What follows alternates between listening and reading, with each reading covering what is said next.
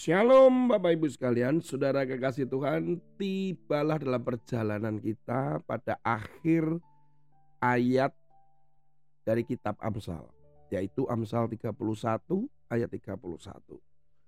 Tidak terasa dua tahun lebih kita membedah mendengarkan kitab Amsal dari pasal 1 ayat 1 hingga 31 ayat yang ke-30 satu.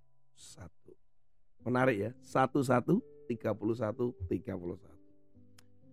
Firman Tuhan yang terambil di dalam pasal 31 ayat 31 ini adalah berilah kepadanya bagian dari hasil tangannya.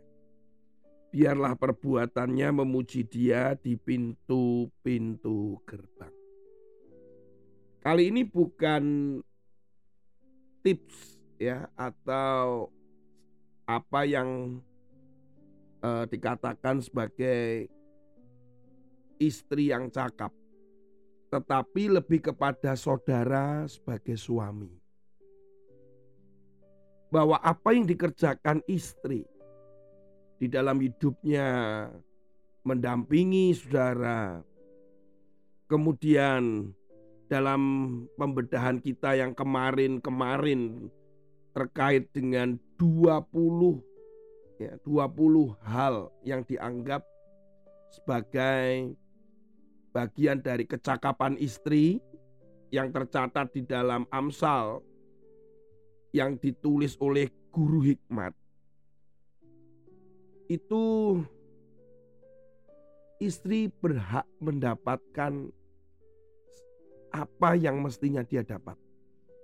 Sehingga dia dapat katakan begini, berilah kepadanya bagian dari hasil tangannya.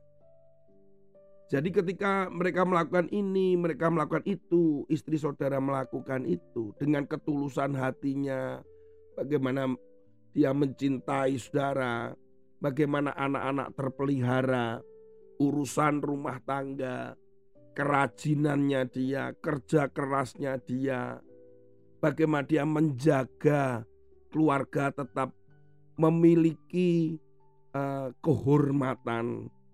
Bagaimana istri juga menghasilkan sesuatu yang berdampak. Terus kemudian jangan dibiarkan.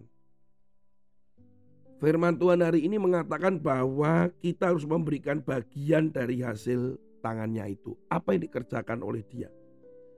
Karena perbuatan-perbuatannya dia saja dipuji-puji orang. Dikatakan di sini di pintu-pintu gerbang.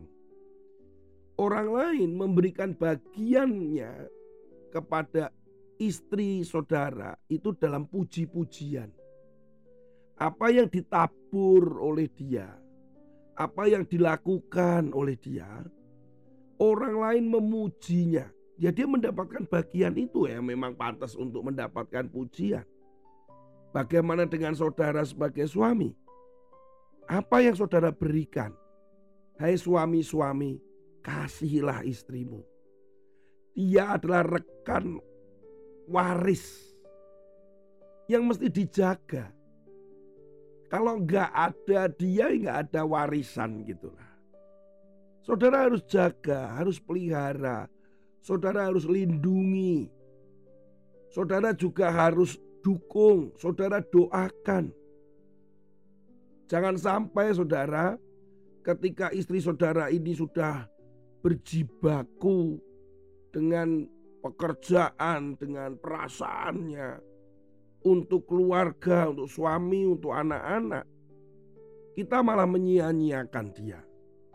Sampai akhirnya membiarkan mereka ini atau dia ini sakit. Dia tidak bisa merawat tubuhnya.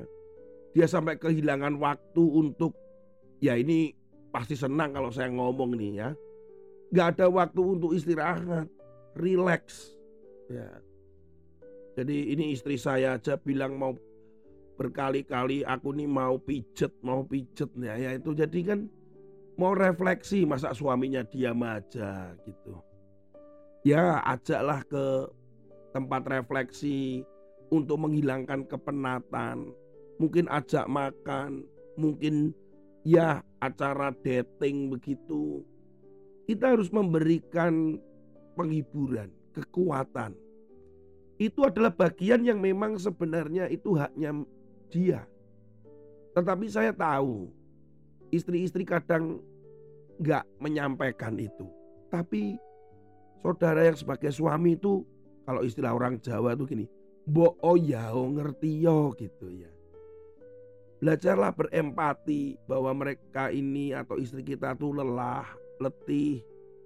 Mereka juga perlu istirahat, perlu rileks, perlu ya artinya refreshing begitu. Atau mungkin terkait dengan hal yang lain.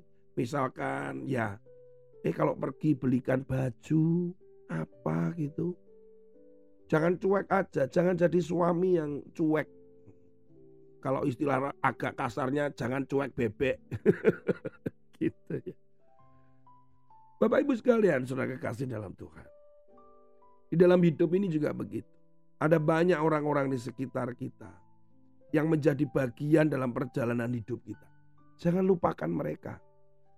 Tidak harus memberi sesuatu atau barang kepada mereka. Tapi ingat, dalam setiap doa saudara, atau mungkin hanya sekedar menyapa atau mungkin sekedar ya untuk bertemu tidak harus dengan barang.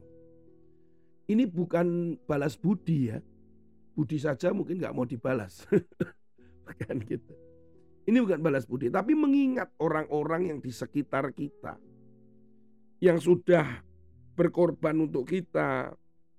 Mungkin mereka tidak merasa bahwa mereka berkorban untuk kita, tetapi apa yang dilakukan, apa yang didoakan, apa yang mungkin diucapkan itu menjadi bagian dalam hidup kita dalam perjalanan untuk makin lebih baik. Ingat mereka, doakan mereka. Hari ini saudara ingat siapa, saudara doakan. Mungkin sekedar sapa, halo, lewat WhatsApp, lewat ya apa Twitter atau apa pun lah sekedar hey halo kabar kabarnya? How are you? Begitu. I miss you. Saya punya seorang uh, apa ya misionaris ya teman. Itu dia sering halo Tony I miss you gitu.